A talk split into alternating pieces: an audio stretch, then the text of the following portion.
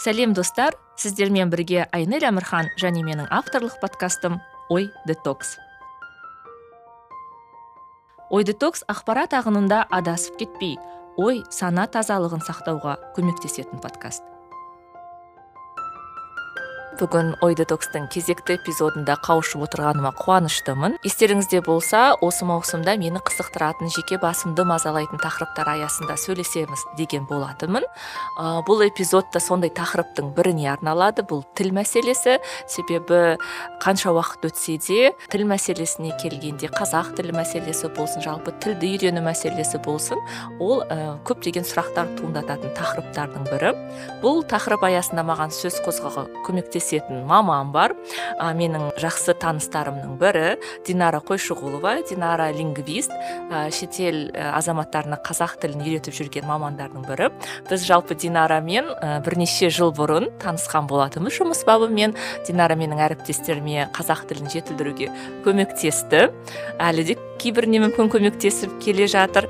Динара екеуміз ә, бір сіздердің ә, тіл мәселесіне келгенде бір жауыр болып кеткен тақырыптар аясында емес жалпы тіл үйреніп жүрсеңіз қазақ тілін жетілгілеріңіз келіп жүрсе қандай әдіс тәсілдерді қолдануға болады? Жалпы мотивацияны қайдан табуға болады? Қандай мамандарды іздеуге болады? Деген сияқты тақырыптар аясында сөйлесетін боламыз. Бізбен бірге болыңыздар бізді тыңдаңыздар. Динара сәлем ой детоксқа қош келдіңіз. Көңіл күйіңіз қалай? Көп рахмет. Менің көңіл күйім керемет. Мені ә, сұхбатқа шақырғаныңызға көп көп рахмет. Динара жалпы мен инстаграмнан қарап отырамын ғой маған көп салмайды бірақ сонда да салса да мотивацияны өте жақсы бересіз себебі сіздің соңғы уақытта түрік тілінде ағылшын тілінде жасап жүрген әңгімелеріңіз ұнады. Себебі түрлі тақырыпқа енді қателес мен қателеспесем түрлі тақырыптар аясында сөз қозғайсыз. бір күні түрікше бір күні ағылшынша. Түрік тілі мен ағылшын тілін қолға алған себебім ә, жуырда бес минуттық қазақ тілі деген оқу құралын жаздым. Жалпы ә, бір жерде естуім бойынша ә, кітап жазғың келсе для того чтобы написать книгу будь им дейді. Сол ә, кітапта не айтамын не қоямын не беремін деген сұрақтарға жауап беру үшін бұл тәжірибені өзімнен бастадым. Шетел азаматтары тура өзіміз секілді тұлғалар өзіміз секілді күнделікті күйбең тіршілікпен айналысып өздерінің жұмыстарымен отбасын алып жүрген азаматтар. Сондықтан да сол тек қана оқытушы ретінде емес оқушы үйренуші ретінде өзімді қойып қай тілге болса да өзімнің бір жағынан ә, дағдымды қалыптастырайын екінші жағымнан сол бес минуттық қазақ тілінің барлық жаттығуларын өзім жасап көрейін. Әрине қазақ тілде емес тура сол мәтіндерді ағылшынға және де түрік тіліне аударып жасайын деп. Тура сол мәтіндерім бірақ. Соны ә, жасап көрдім. Алғаш алғашында өте қызықты болып көрінді. Өйткені мен бәрібір де қазақ тілінде ойланып ағылшындарды түсіне бастадым американдықтарды бізде де бәрібір құрылымы басқа тіл ғой. Бізде аглюнативті жалғамалы тіл болса да оларда флективті олар қопармалы тілдер. Олардың предлогтары мәселен шылаулары сөздің басына шығып кетеді немесе барлық етістіктері субъекттен кейін жүреді зат есімнен кейін жүреді дегендей. Сондықтан да солардың барлығын құрастырып отыру ә, когнитивті күшті қалады? Сондықтан да сол мынау мынау мәселен мынау мәтін дұрыс. Бұл мәтіннен мен осындай нәрсені ала алдым деп мына мәтіндер дұрыс емес ау. Бұл қызығушылығын оятпайды ау деп біраз мәтіндерді қысқартуға да тура келді. Сондықтан да сол үшін эксперимент кішігірім эксперимент жүргіздім. Жалпы қалай ойлайсыз динара енді сіз ұзақ жылдар бойы осы қазақ тілін үйретіп жүрген мамандардың бірісіз ғой. Тіл мәселесін айтып жүргенімізге отыз жыл болды. Да неге біз өзге ұлттың өкілдері қазақша үйренбейді? Неге біздің жастарымыз әлі күнге дейін орыс тілді? Жалпы сіз енді тіл үйретіп жүрген маман ретінде қандай да бір айырмашылықты сезесіз бе? Он жыл бұрын қандай болды? Қазір қалай? Тілге деген махаббат адамдарда оянып келе жатыр ма? Қазақ тілі ә, жалпы мен 2000 жылдары қостанай қостанай облысынан осы алматыға келдім. 2003 атап айтатын болсақ 2003-те сонда келген кезде барлығы барлығы дерлік орыс тілінде пікір алмасып сөз алысып орыс тілінің доминантты тіл екенін кәдімгідей сезіндік. Ол студент болып университет қабырғасында отырғанда сезіне білдік. Өйткені керекті қажетті оқу құралдары біздің филологияға байланысты тіл біліміне байланысты барлығы қазақ тілінде емес орыс тілінде болды. Сондықтан да сол кезбен қазіргі кезді салыстырған кезде едәуір контенттер болсын медиалық мысалы. Ол кездің өзінде де сіз егер де есіңізде болса мынау қазақ хабарлары қазақтың бір бір бағдарламалары кеш түнге қарай қойылатын yeah, yeah. заман болды сондай. Қазір ондай заман емес. Қазір таңертеңнен кешке дейін тек қана уақытың болса оны көруге оған ниет болса бәрі мүмкіншілік бар. Сондықтан да қазіргі ә, құдайға шүкір ол кезде де мектептер де сондай шектеулі болды. Ә, жаңағы оқу университеттерде ә, аз болды қазір ә, күннен күнге көркейіп келе жатыр. Сондықтан да қазақ тілінің мәртебесіне қазақ тілінің осындай бір ә, мәселесінің болуы ол дұрыс орынды. Өйткені тіл өзі өміршең. Ол өмір сүреді. Сондықтан да әрбір қоғамда оның алатын орнын осындай бір жаңадай жылжыған кезде жылжу процесін көрген кезде қуантады. Соңғы статистикаға қарағанда фридрих эберт қоры 2000 жылы шағын түзету зерттеу 2020 жылы жасалды. осы қазақстанның қазақ тілінің мәртебесі туралы зерттеулерін жүргізген. Сондағы ә, таңғалғаным ә, 18 бен 29 жас аралығындағы қазақ тілін жетік білетін 36 бүтін оннан тоғыз пайыз қазақтар болған. Алпыс жастан жоғарғы ол да отыз алты бүтін оннан тоғыз пайыз ә, қазақ үлкен кісілер болған. Сонда қарап отырсаңыз отыз алтыда отыз алты енді жалпы алғанда сексен пайыз ар жағындағы жиырма пайыз ғана таза орыс тілінде ғана сөйлеп жүр деген сөз. Мәселе барлық мәселе сол жиырма пайызда ғана болып тұр. Және де жастар жастардың елу жеті пайыз жас ә, жастар қазір қазақ тілінде. Үйде жаңағы сыртта да қазақ тілінде пікір алмасады екен. Яғни болашақ жастардікі дейтін болсақ қазақ тілінің болашағы бар деген сөз. Сіз енді позитивный ойлайтын адамсыз да шын иә, мәнінде. иә. менің таныстарымның көбінің айтатыны масқара қазақ тіліндегі оқулықтар да мектеп білімі де өте нашар. Сол кезде мен таңқаламын да біз қалай оқыдық деп ше. Мысалы мен де сіз де қазақ мектебінің иә. түлегіміз. Ә, ешқандай бір математиканы немесе өзге пәнді түсіну кезінде ешқандай проблема болған емес. Қазіргі әдістеме басқаша ма? Ата басқаша ма орта басқаша ма неге? Осындай үнемі қанағаттанбаушылық бар да. Ата аналарда мектепке байланысты қазақ тіліндегі оқулықтарға білімге байланысты. Ә, ол заңды. Негізі ә, мен біздің барлық барлық мамандыққа барлық пәндерге топырақ шашпай ақ қояйын. Өзімнің қазақ тіліне орыс аудиториясындағы орыс классындағы қазақ тілге, тілге қатысты бір екі сөз айтатын болсам ә, әрине ә, біздің орыс аудиториясына арналған қазақ тілінің методологиясы кенжелеп келе жатыр. бұл ә, себебі ә, біз коммуникативті яғни пікір алмасу қарым қатынасты бірінші орынға қоймағанбыз.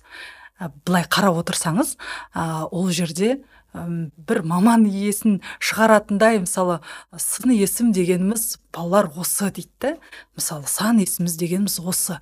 Бұл жерде тақырып аясынан шығып барып коммуникация құрылады да. Енді балалар қандай қай деген сұраққа жауап беріңіздер деп жаттығу жасатады. Негізі о баста коммуникацияға құралып мысалы диалогтар. Одан кейін барып сұраныс болу керек та диалогта сұраныс болған лексика грамматикалықтарға грамматикаға ұсыныс болу керек. Сіз сол кезде барып мына диалогта қолданылған сын есім мына сөз бұл сын есім. Ол осындай сұраққа жауап береді. Түсіндіңіздер ма балалар? Мысалы солай коммуникативтен барып грамматикаға кіру керек та. Біз өкінішке орай грамматикадан түсіндіріп барып сұраныс жоқ жерде біз ұсынамыз да ол қабылдай ма қабылдамай ма екінші күшті талап етеді. Сондықтан да меніңше мәселе осыда ағылшын тілін мен айтам ғажап тіл емес. Оның өзіндік жаңағыдай қалыптасқан өзінің бір методологиясы әдіс тәсілдері толып жатыр. Соның бір жаңа айтып отырмын ғой кітапты жазған кезде солардың барлығын қарап отырамын бұл жерде тілдің құрылымында лексика грамматикасында ә, пунктуациясында иә ә, әдеби тілдік нормасында емес беру амал тәсілдерінде. Біз ә, біріншіден ә, жаңағы айтып отырмын ғой коммуникацияға жағдаятқа құрылмаған. Біздің сабақтың сабақтастық. Бізде керісінше лексика грамматиканы басшылыққа алады. Граммар point деген тіпті english ә, жаңағы файлдардың жаңағы хедуейлердің граммар point ортасында yeah. Иә. немесе соңында кездесіп жатады ғой. Бұл нені білдіреді? Яғни бұлар жағдаяттық ә, диалогтарды өзара сөйлесу әрекеттерін. Қойып алып одан кейін барып сұраныс. Ал неге бұлар бұл бір бірімен байланысып жатыр неге бұл жерде осындай сөйленіс фраза орын алды? Сол кезде барып анау грамматикалық категорияларға жауап беріп жатады. Сондықтан да бұлардың барлығы әрине бір тұтас не ретінде қарауға болады. Сондай мәселе. Жалпы негізі тіл үйреніп жүрген адамдар өзге тіл үйренетін адамдарды түсінетін сияқты да мысалы yeah. Иә. мен ағылшын тілін өмір бойы оқып келе жатқан адамдардың бірімін таң қаламын да мектептен оқыдық университетте одан қалса ақша төлеп оқыдық. Сондықтан оның қандай еңбек екенін білемін. Қазақ тілін енді үйреніп сөйлеуге қысылып жүрген мысалы біздің өзіміздің қазақтар бар ғой орыс тілді болып келді бірақ ұялады. Жаңағы жерде қате жіберіп қоямын ба елдер күле ма деп. А мен оларды қатты құрметтеймін себебі олардың артында қандай еңбек жатқанын білемін. Оңай емес тіл үйрену. Адамдар ойлайды да жаңағы сіз айтып жатсыз ғой орта. Бізде бар азаннан кешке дейін ә, теледидар қоссаң уақыт нет болса бізде енді орта бар бұрынғыдай емес. Десек те қолдау көрсету керек сияқты оларға. Ә, дұрыс сізбен келісемін негізі ә, американдықтарға сабақ беру барысында мен бірнеше жаңағыдай техникаларды үйрендім да ол кісілер ешқашан ұялмайды Үм. ешқашан. Мәселен бір сабақ екі беттік екі беттен тұрайық десін иә? Ә, сол екі беттің барлық ақпаратынан бір күнде екі фразаны алып шығады да сосын айтады үй жұмысы мен осыны қолданамын дейді. Мәселен. Мысалы мен ә, дүкенге барайын ә, немесе театрға барайын. Сондағы мен бағанадан айтып отырған жаңағы сүт наным емес. Ол жерде қанша тұрады? Түсіресіз бе? Иә арзанырақ бермейсіз бе? Осы бір керек ә, жаңағыдай фразаларды үйренеді да үй жұмысы соны барып жасайды. Жасайды ұялмайды сосын тек қана қазақша сөйлеңізші деген сөзді үйреніп алады үйреніп алады және де соны барып жасайды. А біздің ә, орыс тілді ә, қазақтар болсын жалпы осы ә, өзіміздің алматылы тұрғындар енді алматыда сабақ беріп жатқандықтан жергілікті дейікші жергілікті қазақстандықтар оларда екі бетті берсең де тағы не бересің дейді. тағы не бересің тағы нені үйретесің? Сосын көбінше лексика грамматикаларды жаттап оның грамматикасын қатесіз мінсіз жасауға талпынады. Түсінесіз ба? Лексика грамматиканы жасау ол бөлек әңгіме. А сөйлесу оны ал тіл ол сөйлесу ғой yeah, иә, иә. коммуникация ғой. Оны жазып отырудың кешке дейін керегі жоқ. Сондықтан да кішкентай баланың өзінде де тілді енді енді балдырған балалар былдырлап нан деген сөздің өзін әртүрлі фонетикалық тұрғыда айтып жатады да. Мә дейді нәнә дейді сосын нанға келеді әйтеуір келеді. Сондықтан да бірінші мәселе ол тек сөйлесу керек. Алдың ба? Екі сөйлем екі сөйлемді алдың ба? Барып. Мен үнемі айтам бір мәтінде бес минуттық қазақ тілі деген жаңағы оқу құралында алты сөйлемнен ғана тұралатын мәтін. Алты сөйлем ғана. Болды. Бүгінге осы ә, жаңа жаттығу да алты сөйлемнен шыға ә, негізінде жасалған ә, айтып беру де алтын сөйлемнің негізінде жасалған грамматикасының өзі алты сөйлемге ғана қатысты болды иә сіз негізі дұрыс айтасыз біз енді ұяламыз иә сөйлеуге yeah. Иә. мысалы өзіміз де шет тілінде yeah. Иә. мысалы мен есіме түсіп отыр осыдан бірнеше жыл бұрын англияға барып бір айлық курстан өттім. Сол кезде мен мұғалімімнің айтқаны постсоветский елдерден келген ә, студенттерді бірден танимын дейді. Олар қателесуге қорқады дейді. Неге сіздерде сондай психология бар екенін білмеймін дейді да. Сіздерге кішкене келгенде басқаша сөйлей бастаймын дейді да. Ал жаңағы италия испаниядан келген студенттер бар енді. Олар енді сөйлей береді да. Дұрыс болсын дұрыс болмасын ымдап болса да жеткізеді дейді сіздерде бір сондай басым деп маған yeah. Иә. айтқаны есімде. Иә. Мен бір эмила джой деген ә, американдық студентім бол. Сол кісі үнемі спортқа барған кезде таңертең таңертеңдері неге саябаққа шығып кез келген қазақ азаматын тоқтатып алып жаңағы сөзді қолдануға тырысады. Соны жаңағы олар енді оларда кішкене американдық көргеннен кейін олар өздерінің ағылшындарын үйренгісі келіп жаңағы сондай бір жағдай иә, ол ағылшынша сөйлей бастайды. Одан тағы біреу тоқтатса ол орысша сөйлей бастайды. Сонда не үшін қажет мына тіл маған? деп сабаққа келіп тұр. Не істеймін бұл тілмен? Сосын мен айтып жатырмын.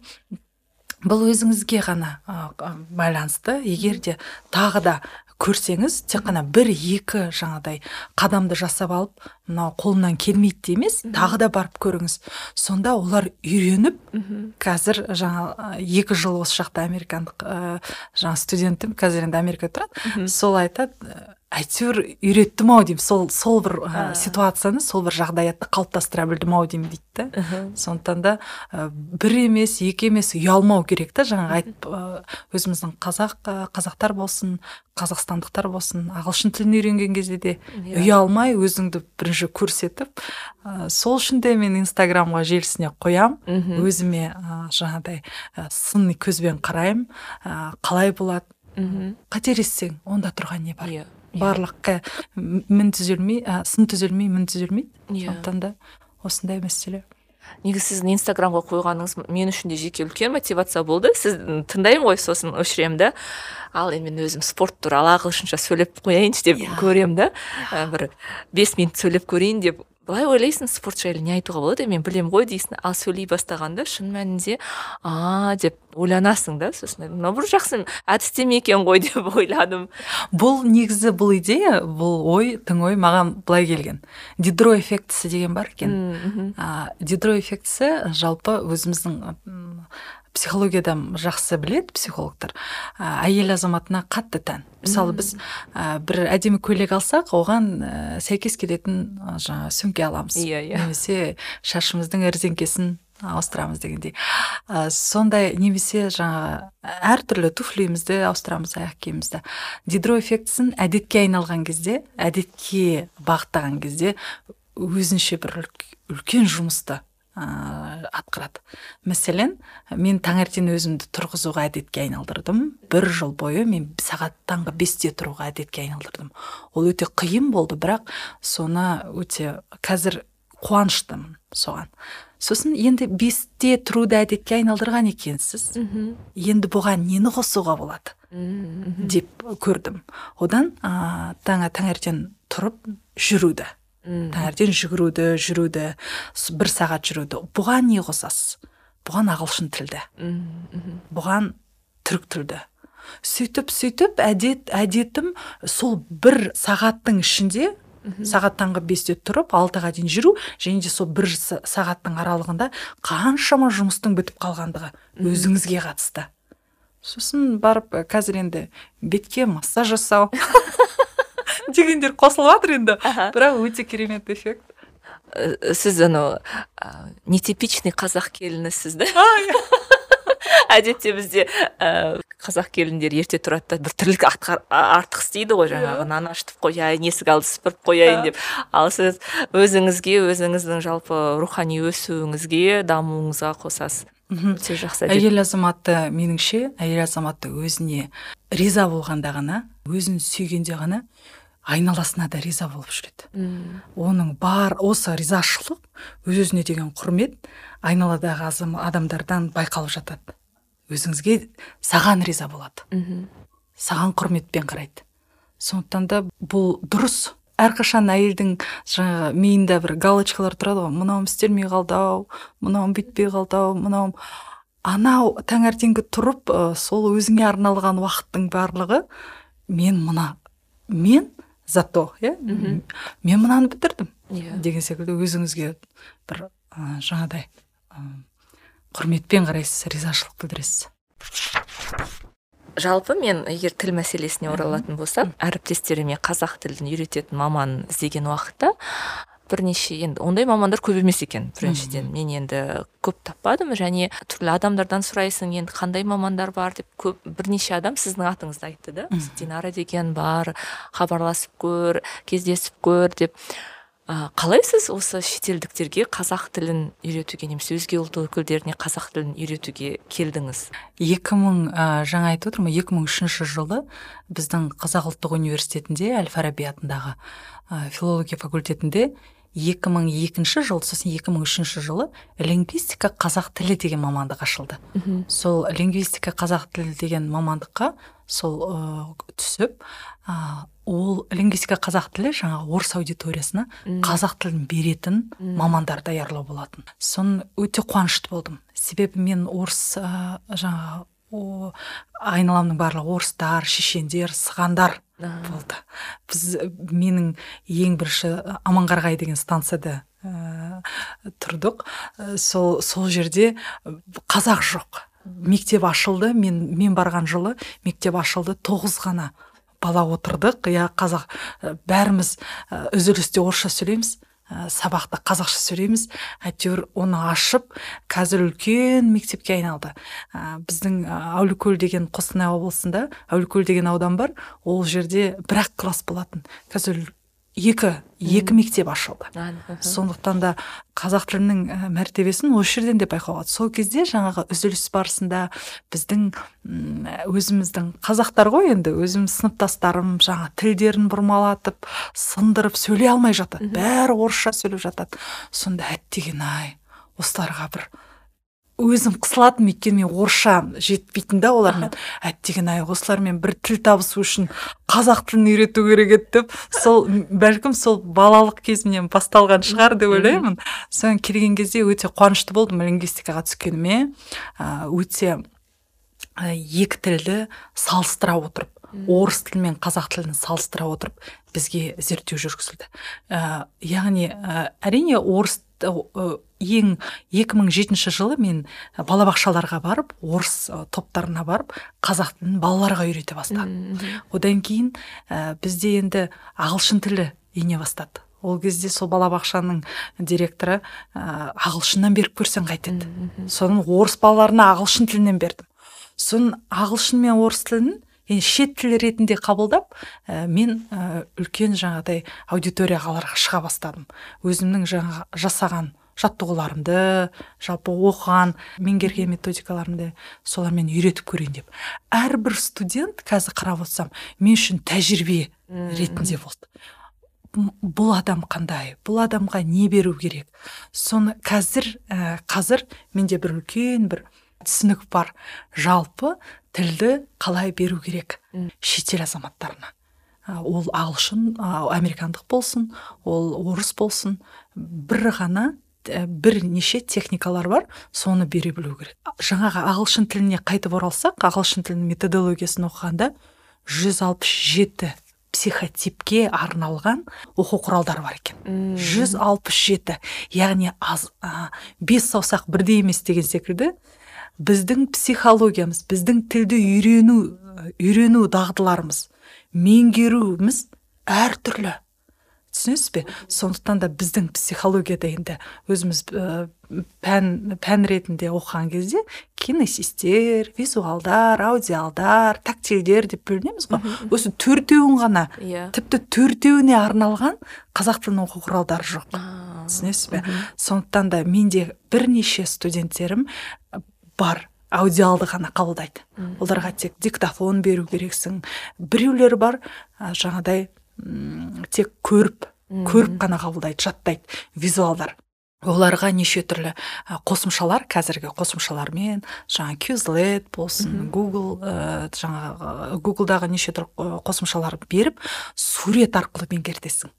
Сондықтан да ең біріншіден адамды тану бұл жерде.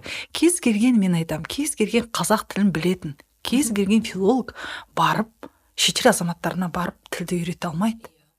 Оған ол үшін психолингвист болу керек тура жаңағы айтқанындай. Психотиптерін тануың керексің. Когнитивист когнитивті лингвист болу керек. Яғни қолданбалылыққа алып келу керек. Жаңағы айтпақшы ә, американдығым екі фразаны алып барып қолданыс аясын кеңейтті. Яғни одан кейінгі ұсыныстар жасау керек. Ә, сондықтан да осындай осындай ә, мәселелермен шектелсек ә, шет, шетелдіктерге жаңағы қайтадан оралайын американдықтарға сабақ беруімде бір күні құласаң нардан құла динара дедім осы түйіндемеңді ал да ә, шет жаңағы консульствоға бар консульствоға жібер.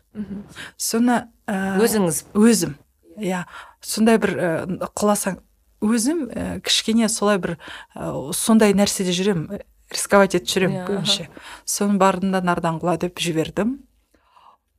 Тілім енді онша емес ағылшын тілі бірақ өзіме айттым барып көр ешне шапаныңды шешіп алмайды иә, олар сенің ең ә, бірінші артықшылығың ол сенің қазақ тілінің қазақ тілін мінсіз білетіндігіңде екіншісі методологияны мықты білетініңде қалай бере алатындығың ә, балабақшадан ғана тәжірибе алсам да ә, балабақша кез келген шетел азаматы бала секілді меңгереді.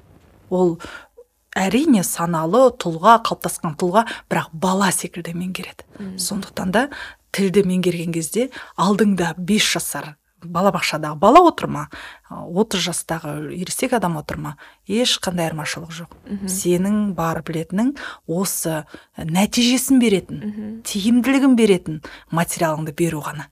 Сол нәрсені ағылшын тілінде айта алдым да содан жұмысқа қабылдандым. О! Содан содан бастап бір бірін американдықтардың бір жақсы жері ә, білмеймін енді олар бөліскенді өте қатты жақсы көреді. Бөліскенді мынау осындай азамат бар осындай деп ә, жаңағы пікір білдірген жақсы көреді. Сондықтан да бәлкім ә, жалпы ә, мемлекеттік емес ұйымдарға танылуым осыдан шығар деп ойлаймын. Ал жалпы шетелдік азаматтар не үшін үйренеді қазақ тілін? Оларды не итермелейді не жетелейді? Бір байқағаным ә, негізі ол бір жағынан ә, осы жаққа келетін кезде мысалы вашингтонда тіл орталықтар бар. Әрбір елге баратын кезде сол елге деген құрмет деп ойлаймын. Өйткені мемлекеттік нышандар ол мемлекеттік нышандар ту елтаңбаның қатарында тұрған ол тіл. Үм. сондықтан да сол тілге деген құрметпен келетін секілді. Сол жақта бітірген сол жақта оқыған кезде олар а бір деңгейін аяқтап тәмамдап келеді. Яғни күнделікті бір бірімізбен амандасып хал сұрасып бір жерге барсақ жағдаятқа бір екі сөз болса пікір алмасуға жарайтындай деңгейде келеді. Сосын ол жаққа келген кезде ол кісі сол тілді ұстап тұру керек сол деңгейді. Немесе оны ары қарай дамыту керек. Сондықтан да осындай бір үлкен бір құрмет деп ойлаймын оларды итермелейтін. Себебі ағылшын тілі енді жаңа айтып отырмын ғой үнді еуропалық тілдер қатарындағы тіл біздің түркі тілдес тілдеріндей емес олардың құрылымдары өзге басқа. Сондықтан да осындай мәселелер. Мен динараның студенттеріне хабарласып жалпы қазақ тілін не үшін үйреніп жатқандығы жайлы пікірлерін сұрадым. Енді солардың жауабына кезек берейік. Ә, сәлеметсіз бе? Ә, менің атым таня. Мен ә, қазақ тілі үйренемін қазақ тілі ә, түркі тілдер тобына жатады. Бұрын мен түрік тілін үйрендім сондықтан лексика мен грамматикада көп ұқсастықты таптым. Оқығанды ұнатамын және нәтиже көремін. Әсіресе сөйлеуде сөз бе сөз түсінгеніп бірдеңе айта аламын. Қазақ тілі өте әдемі және басқа тілдерді жоқ жоқ көптеген әдемі орамдар мен теңеулер бар. Оларды тіл арқылы қазақ халқының дәстүрлерін мен мәдениетін ә, тереңірек тани және түсіне аласың. Ә, қазақ тілін сөйлей білу өте маңызды. Мен әлі де сөйлеуге ұяламын. Өйткені мен ә, сөйлеуде ә, қателіктер жіберемін сондықтан қысқа сөйлемдерді қолдануға тырысамын мысалы дүкенде болғанда немесе таксиде ә, жүргізушімен сөйлескенде ә, реакция әрқашан жақсы болады Менің атым Джейсон. Күн сайды өз клиенттеріммен орыс тілінде сөйлесемін. Бірақ мен қазақ тілінде сөйлесе алмадым. Қатты қаладым. Сосын екі ай бұрын Қойшығұлова Динараға сабаққа жасылып. Нақты прогреске күл жеткізгім. Қазір мен қысқа және қарапайым сөйле аламын. Тіпті клиенттеріммен бірнеше сөз алыса аламын. сәлеметсіз бе менің атым лена. Мен америкаданмын мен динармен қазақ тілін үйренемін. Біз қазақстанға келгенде қазақ мәдениеті туралы көбірек білгім келіп қазақ тілін үйренуді бастадым. Динармен өткен сабақтар маған қазақстан қазақ және әрине қазақ тілі туралы көп нәрсе білуге көмектесті. Маған қазақ сөздерінің құрылымы өте қызықты бір сөздің ішінде бас тартуға да кешірім сұрауға да болады. Қазақ тілі өте әдемі әрі әуезді. Мен кейбір дыбыстарды айта алмаймын. Бірақ уақыт өте келе мен қазақша сөйлеп кетемін деп сенемін. Менің атым рамиля. 2018 жылы біздің ойым бізге қазақ тілін үйренуді ұсынды. Осылайша мен динарамен таныстым. Ойымызда бұл қазақ тіл курсы алғашқы емес еді. Сондықтан мен ешқандай жаңалық күтпедім. Алайда қазақ тілді үйрене бастағанда динараның тілді берудің ерекше әдісіне таң қалдым. Сабақтарда біз мә- мәтіндерді аударғаннан гөрі пікірталастар мен диалогтар жүргіздік. Жалпы ә, орыс тілді қазақтар болсын осы қазақ өзге ұлт өкілдері біздің қазақстандық азаматтар болсын ам, айырмашылық бар ма жаңағы шетелдік азаматтардан тілді иг- игеруде? Қандай әдіс тәсілдер бөлек қолданасыз ба жоқ ортақ па? Негізі әдіс тәсілдер ә, ортақ ә, көбінше мен американдықтардың аудиториясына кірген кезде көңіл күйден басталады. М, барлық нәрсе осы тіршілік барлық көңіл күйден басталатын секілді болып тұрады. Өйткені адамға сенім ұялату керексің ол саған сену керек сен оған сену керексің. Сол ә, эмоциямен басталған кезде бүткіл көңіл күймен басталған кезде ана тілдің ә, бейсаналы түрде қалай меңгеріліп жатқан қаншалықты ол оңай екендігін байқамай қалады. Мхм. уақыт өтіп кетті ме? деп сұрайды.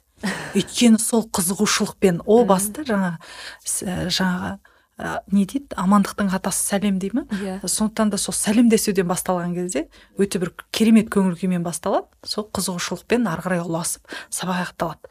Және де бір қызығы қазақ қазақ тілін қызық тілі деп атап алады американдықтар. Қызық. Иә таң қалатын тіл деп атады. Неге? Себебі бұлар шыққан кезде базарға барған кезде бәрі таң қалады. О қайдан білесіз? Сіз қайдан біл-» сосын айтады мен, сө- мен сөйлеген кезде бәрі таң қалды дейді да. Сол сол, бір таң қалатын қызығушылық тіл ретінде қызық тіл ретінде қарайды да.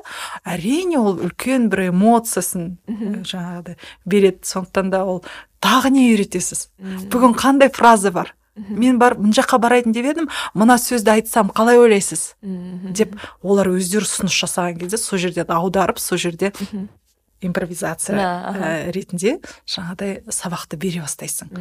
О, тіпті сабағыңның жоспарлы сабағың басқа арнаға ұласып кетеді. біздің қоғамда білмеймін енді ол көп көп адамдарға қатысты айтып жатқан жоқпын. Қазір адамдар әртүрлі а, дамып жатқан өз өзін дамытып жатқан адамдар бар. Көбінше ә, біздің аудитория қазақ тілін үйрену керек. Мгм. А, керек ә, орыс тілді қазақстандықтар ә, жалпы қазақ тілін үйрену керек маған бұл қажет. Маған мына тестті тапсыру керек. Немесе осындай бір мақсат қойып алады да. Ал ол сыртқы фактор ғой сыртқы фактор.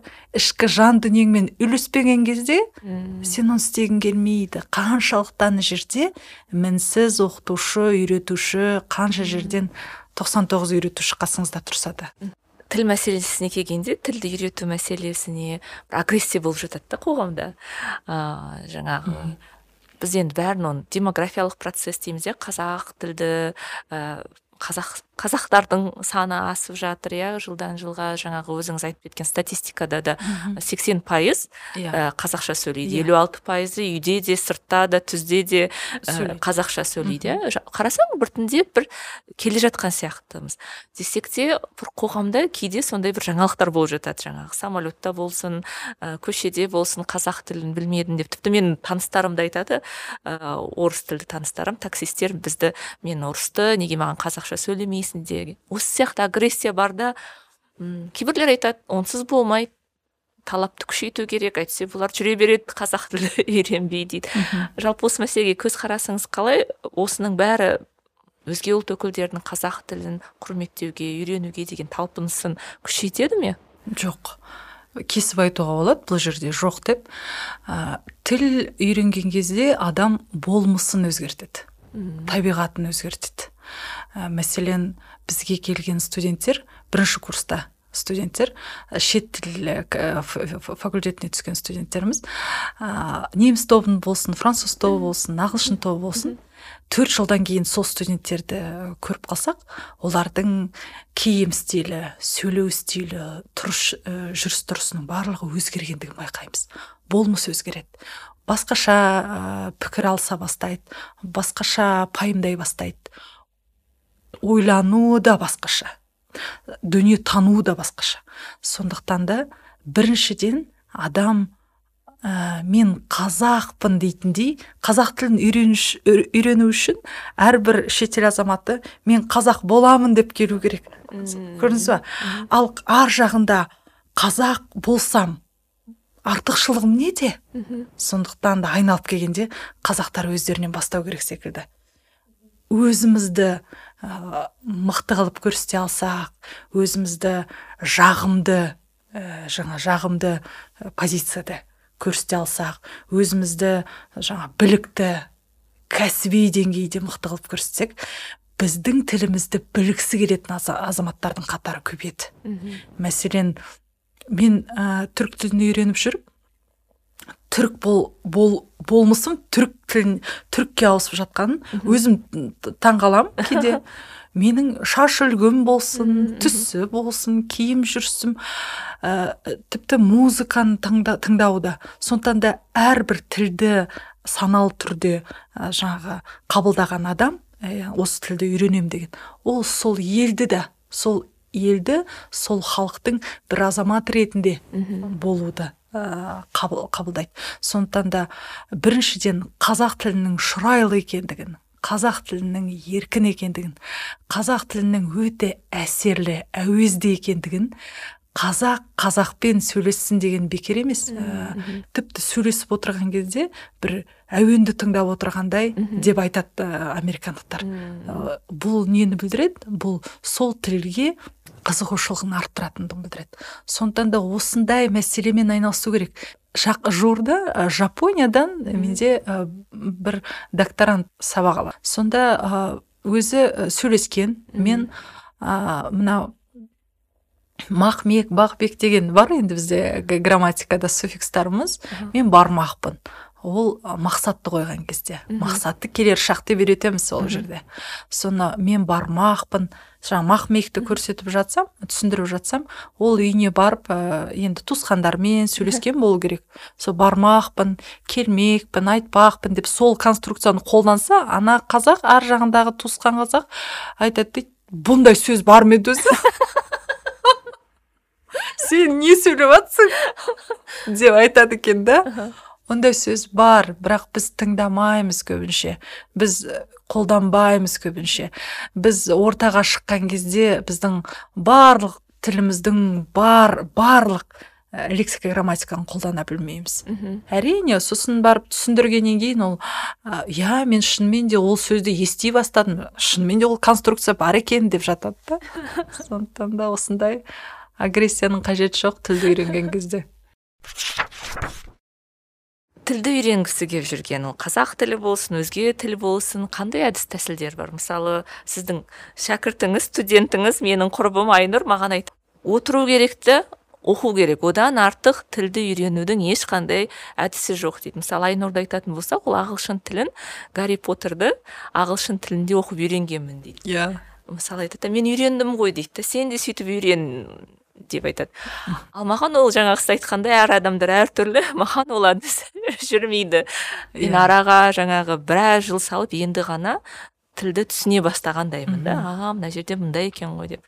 Сол сияқты тілді үйреніп жүрген адамдарға үйренгісі келіп жүрген адамдарға ол кез келген тіл болсын. Қандай кеңес бересіз? Мүмкін ыыы өзінің бір әдіс тәсілдері бар шығар. Ә, жуырда мен ә, татьяна черниговская есімді ә, нейролингвист ә, ресей ғалыммен таныстым. Енді ол көп көбіне психолог ретінде танылып жүр. Енді қазір үрдіс сондай ма психологтарды бірден танитын болдық қой. Ә, бірақ нейролингвист ә, ол кісінің ай- айтуы бойынша барлық музыка и язык музыка и мозг. Жаңағыдай әртүрлі ми, миға қатысты көптеген лекциялар бар. Мынау әлеуметтік желіні іздейтін болсақ ютуб каналында. Соларды күнделікті тыңдап отырамын сонда ол кісінің айтуы бойынша біздің миымызда жаңадан бізге алып келеді ғой ноутбуктар жаңағы макбуктар. Соның ішінде қол ә, таза ашқан кезде таза ешқандай ақпарат жоқ артық ешнәрсе жоқ. Бірақ оған о баста бағдарламалар енгізілген. Мхм. Иә тілді таңдауға болады иә, иә. жаңағыдай ә, өз шрифт өзгертуге болады деген секілді әртүрлі ә, жаңағы бағдарламаларды енгізіп қойған. Оның өз функциялары бар. Бірақ егер де сол ноутбукты қолдансаңыз сол функцияларды. Ол жүзеге асады автомат түрде. Иә, сіз оны нақты қойып қойсаңыз ағылшын түрік қазақ тілі деп тілді ауыстырсаңыз сізге сол тілдердің ғана қатарын береді. Сол секілді біздің миымызда бұл бағдарлама барлық тілді меңгере алатындығы жазылып тұр дейді. Мәселен сіз қазақстанда туылып бірақ америкада немесе жапонияда. Мен қазақпын ойбай мен қаным қазақ. Бірақ тілім ол емес деп отырмайды ғой. Ол сол сол кодты тани бастайды ми яғни ол жапон тілін үйрену керек екендігін сол кодты ғана біледі. Сондықтан да кез келген адам кез келген тілді меңгере алады. Тек қана сол нейро нейрондарды ми талшықтарын бір бірімен жұмыс істету керек.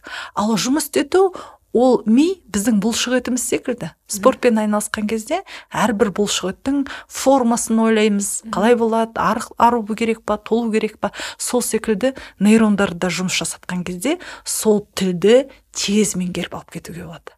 Тағы екінші техникасы ол кісі әрбір ақпаратты алған кезде мысалы бір тілдің алты сөйлем дейінші мен өзімнің алты сөйлем бар сол алты сөйлемді оқып жаттап ұйықтап қалу. Миға тыныштық керек.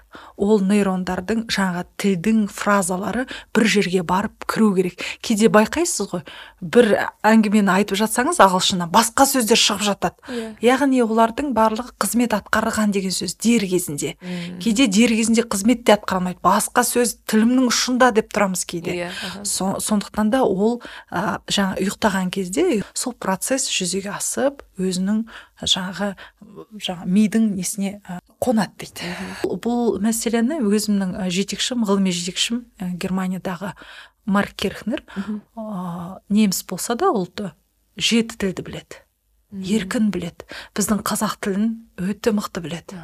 Мен кез келген адамнан тілді үйреніп жүрген адамнан өз әдетім бар. Ә, методологиясын сұрап жүремін. Амал тәсілдерін қалай үйрендіңіз қалай жеттіңіз деп қызық та сонда ол айтатын күнделікті ә, бес немесе жеті сөйлемді кәдімгідей фразаларды диалогтарды жаттаймын да ұйықтаймын жатар алдында ғана тіл оқыңыз деп айтатын. Сондықтан да бүгін осы жолы ә, мына черниговскаяның ә, несін лекциясын тыңдаған кезде маған еріксіз өзімнің жетекшімнің осы ә, жаңа кеңесі есіме түсті. Одан ә, әрине әртүрлі айта, айта беруге болады. Визуалдарға жаңа айтып отырмын аудиалдарға әртүрлі тыңдау пай, өте өте қонымды.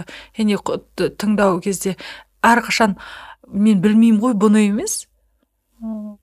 Тыңдай беру керек. Бірақ сіз оны түсінесіз. Мидың тануы басқа. Сіздің білмеуіңіз мүмкін бірақ мидың тануы басқа. Сондықтан да ол кез келген мысалы мәтінді алып келген кезде ой мен бұл сөзді білемін ғой дейді. Бірақ жаттаған жоқсыз сіз. Ми танып тұр оны. Сондықтан да осындай мәселелер бар. Иә айтып жатады ғой енді әр тілге күніне 15 ақ минуттан арнасаң иә. Сен оны жиілік қажет. жиілік қажет иә. Ең бастысы жиілік қажет. Және де уақыт бөлу керек. Уақыт бөлгенде жаңағы спортқа бес минут бөліп кетіп қалғанда білесіз ғой иә. ертең не болатынын оған. Сондықтан да 15 минут айтпаймын бір сағаттап отырудың қажеті жоқ. Өйткені ә, кішкене ә, содан қызығушылығыңыз. Кетіп қалады Иә. бәсеңдейді рахмет динара. Уақыт тауып келгеніңізге меніңше біздің әңгімеміз пайдалы әрі қызықты болды деп ойлаймын. Достар егер сіздер де біздің әңгімеміз қызықты әрі пайдалы болды деп есептесеңіздер міндетті түрде өз кері байланыстарыңызбен бөлісуді ұмытпаңыздар. Әрі өз тыңдаған қосымшаларыңызда менің подкастымды бағалап өтулеріңізді сұраймын. Бұл мен үшін менің подкастымның одан әрі дамуы мен таралуы үшін өте пайдалы. Сондай ақ егер қандай да бір тіл меңгеріп жүрген болсаңыз өз тәжірибеңізбен бөлісе отырыңыздар. Осымен ой детокстың кезекті эпизоды тәмам. Аяғына дейін тыңдағандарыңызға рахмет.